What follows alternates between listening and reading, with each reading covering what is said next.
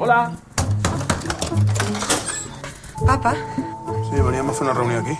Així no molestem, esclar. No, no, i ara? Ja és a Filmin Assemblea, l'òpera prima d'Àlex Montoya, basada en l'obra de teatre La gent, que es va presentar al Festival de Màlaga de l'any passat i està protagonitzada per Francesc Garrido, Cristina Plazas i Greta Fernández. D'una forma amena i divertida, reflecteix com és de difícil prendre decisions de forma comunitària.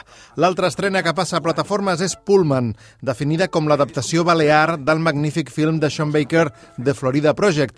Com aquella, parla d'il·lusions infantils impossibles i famílies trencades. Aquí Tony Bestart, el director del documental nominat al Goya I Am Your Father, trasllada l'acció a Palma i els protagonistes són dos nens que viuen en els apartaments que donen nom a la pel·lícula, uns allotjaments de luxe reconvertits en edificis dormitori.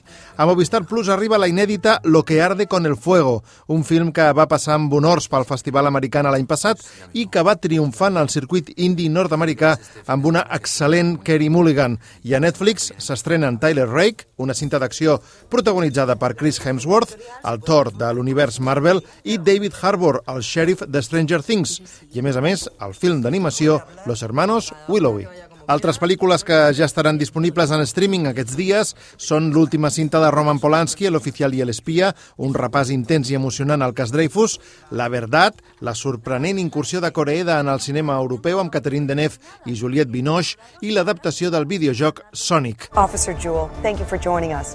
Oh my lord.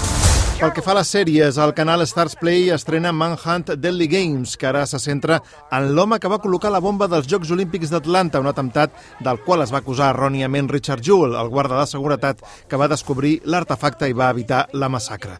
Apple TV Plus estrena Defending Jacob, on Chris Evans, el capità Amèrica, és l'assistent del fiscal del districte d'una petita ciutat de Massachusetts, escenari d'un crim impactant.